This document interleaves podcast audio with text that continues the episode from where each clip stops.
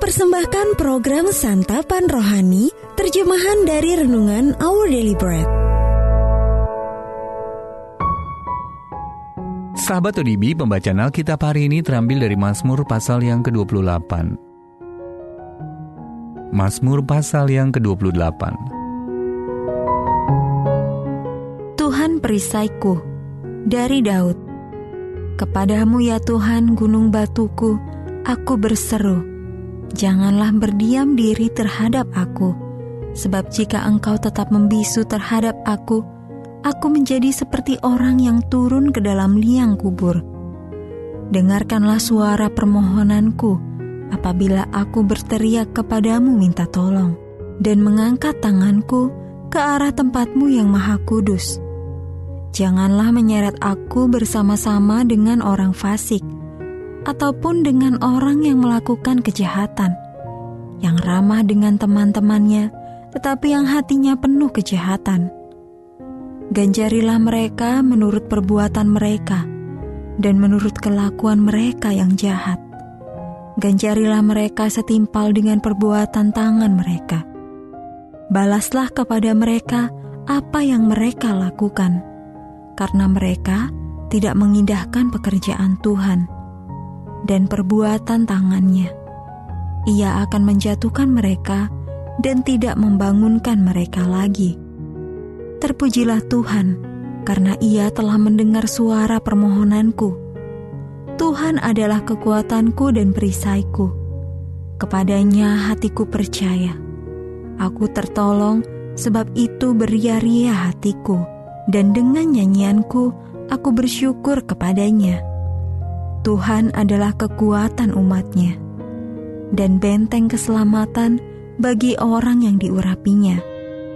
Selamatkanlah kiranya umatmu dan berkatilah milikmu sendiri. Gembalakanlah mereka dan dukunglah mereka untuk selama-lamanya. Ayat Mas Renungan hari ini terambil dari Mazmur pasal yang ke-28 ayat yang ke-8. Tuhan adalah kekuatan umatnya. Judul renungan kali ini, Seandainya Bisa, ditulis oleh Annie Setas. Pohon aras Alaska itu meliuk-liuk tertiup angin badai yang kencang. Pohon itu disayang Reggie bukan hanya karena menjadi tempat berteduh dari terik matahari, tetapi juga memberi perlindungan bagi keluarganya. Sekarang badai dahsyat telah mencabut akar pohon itu dari tanah.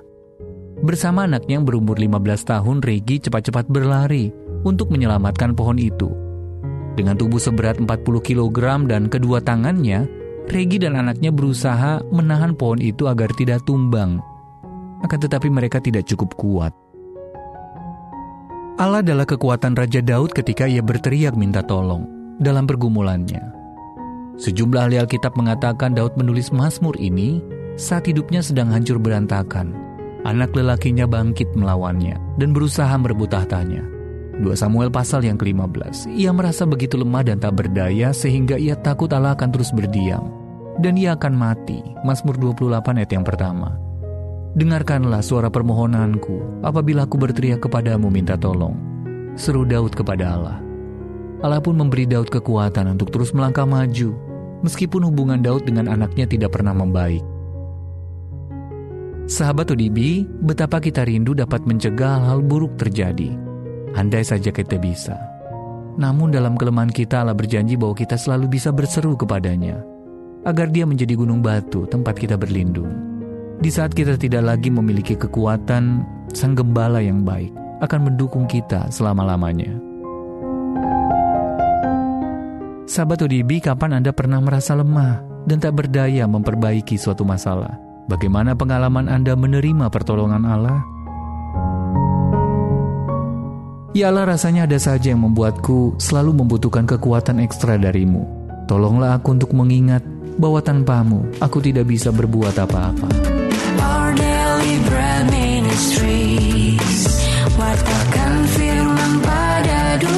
Apakah Anda berminat mendapatkan buku renungan ini dalam bahasa Indonesia, Inggris, atau Mandarin? Atau Anda rindu mendukung pelayanan ini?